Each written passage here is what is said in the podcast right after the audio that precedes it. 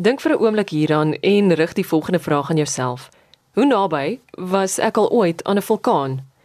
Wel gelukkig is dit nie te veel van 'n hedendaagse Suid-Afrikaanse realiteit nie, maar dis nie te sê jy het nie al 'n rugsak ekspedisie op 'n reisland iewers in Suidoos-Asië onderneem waar 'n gebergte met longe vol as en stoom binne sig was nie. Dink weer aan wat jy weet van vulkane. Dis waarskynlik dat die beelde in jou brein te danke is aan natuurprogramme en fotos wat jy jou lewe deur gesien en gestoor het. Moet wel nie glo dat Suid-Afrika heeltemal vulkaanvry is nie.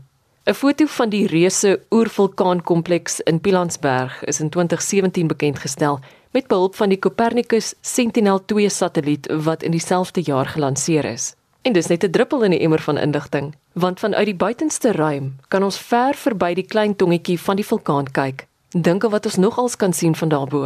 Die beskikbaarheid van hoë resolusie satellietdata het 'n invloed op ons vermoë om die habitatte van diere te monitor. As hierdie inligting gratis beskikbaar is, gaan ons selfs nog meer te wete kom oor klimaatsverandering, voedselsekerheid en water. Hoe ons daar gaan uitkom is iets wat ek en jy op vanoggend se program gaan ontdek. Kom ons verlaat eers vir 'n oomblik die aarde en gaan draai by die sogenaamde Sentinel-2, 'n satelliet met 'n storie wat jy nou gaan hoor.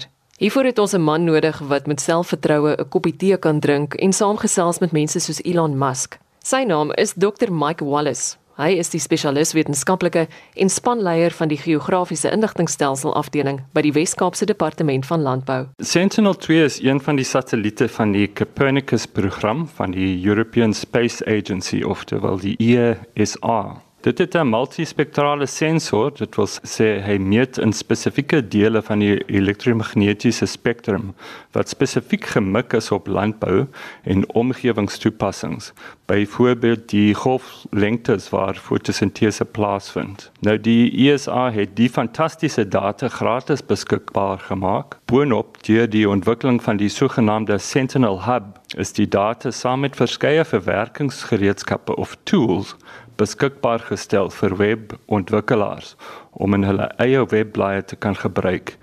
Dit maak gebruik van die cloud technology om hierdie groot datastelle beskikbaar te stel.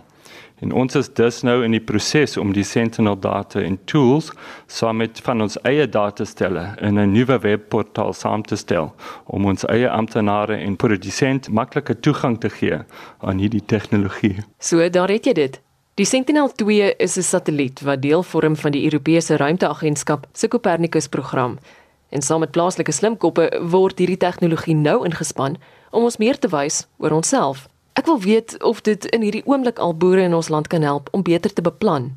Beslis veral in terme van die verwagtinge oor groot data oftewel big data, soos dit bekend staan.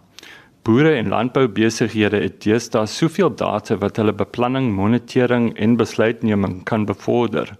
So, ons sien die projek as 'n oefening gemik op die opvoeding van belanghebbendes en om blootstelling aan hulle gratis tegnologie te bevorder. Die tipe satellietwaarnemings van self is nie heeltemal nuwe tegnologie nie, maar skielik is dit nou vrylik beskikbaar selfs aan die gemiddelde eindverbruiker sonder enige spesialis kennis. Satelliete is al lank in die land. Daar's wel iets spesiaals aan Sentinel-2. Ja, baie produsente sal kennis dra van die ou staatmaker satelliet Landsat van die FSA. Die Landsat-program het al vir dekades lank inligting oor landboutoestande ensovoorts verskaf. En Sentinel-2 het nou 'n heelwat hoër resolusie en 'n vinniger besoek of revisit siklus. Landsat het elke 16 dae oor ons oorgevlieg en as dit bewolk was op die dag kon daai beelde nie gebruik word nie.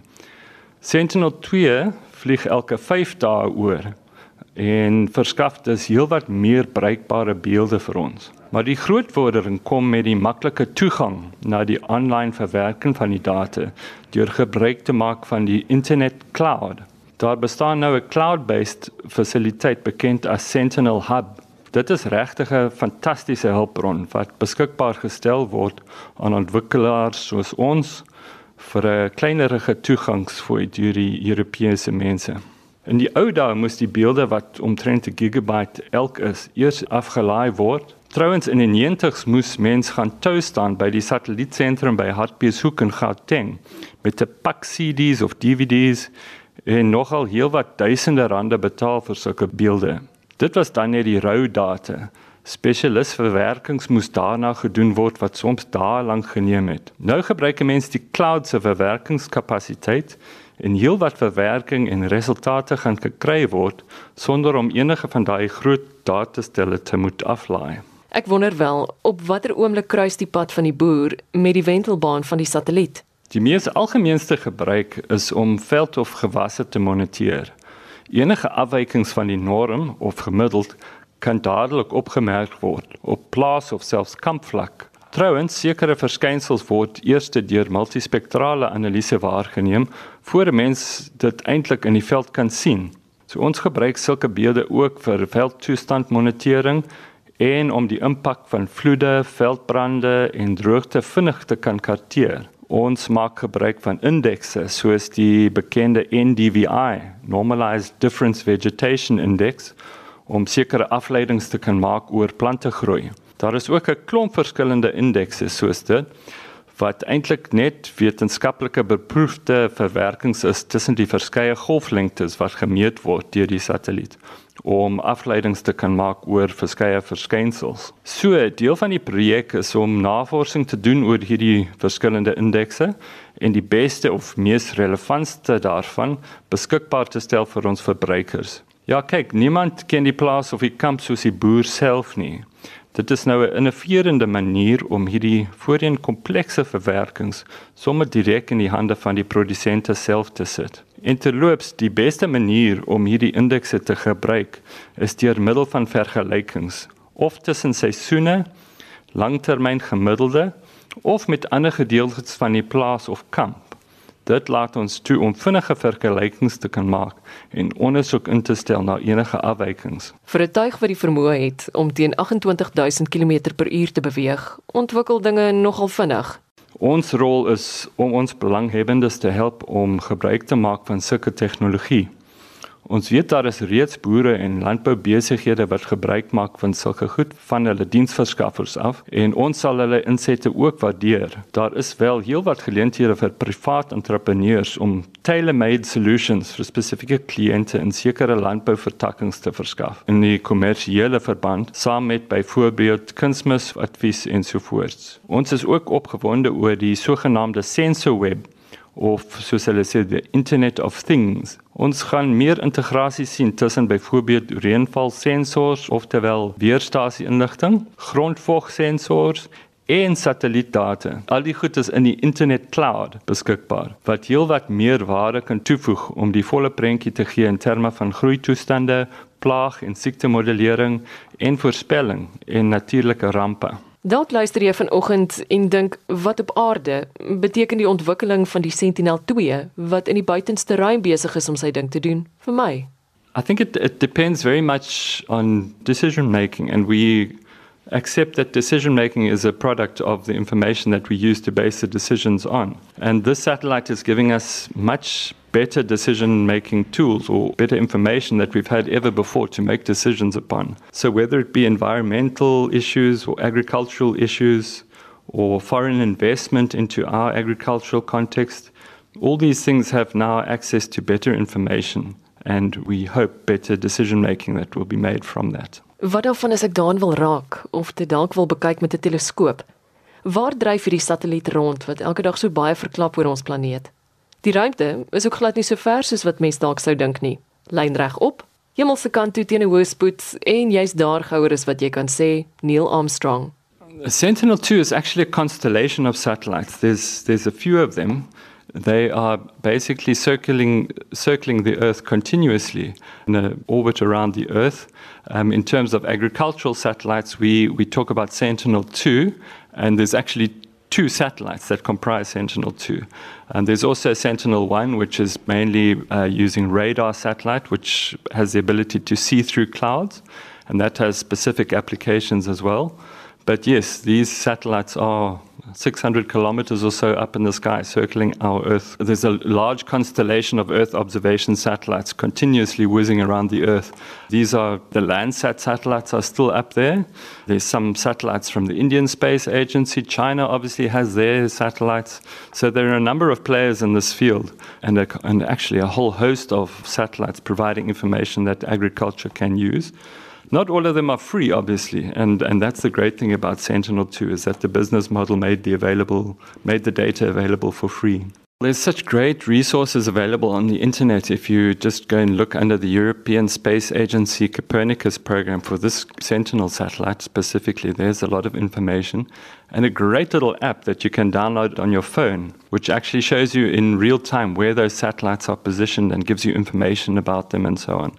But we are really blessed with a wealth of information over the internet. So any search on something like remote sensing or uh, satellite imagery for agriculture and environment will, will yield results. And, and as I say, there's just fantastic resources available on the web, including the data itself.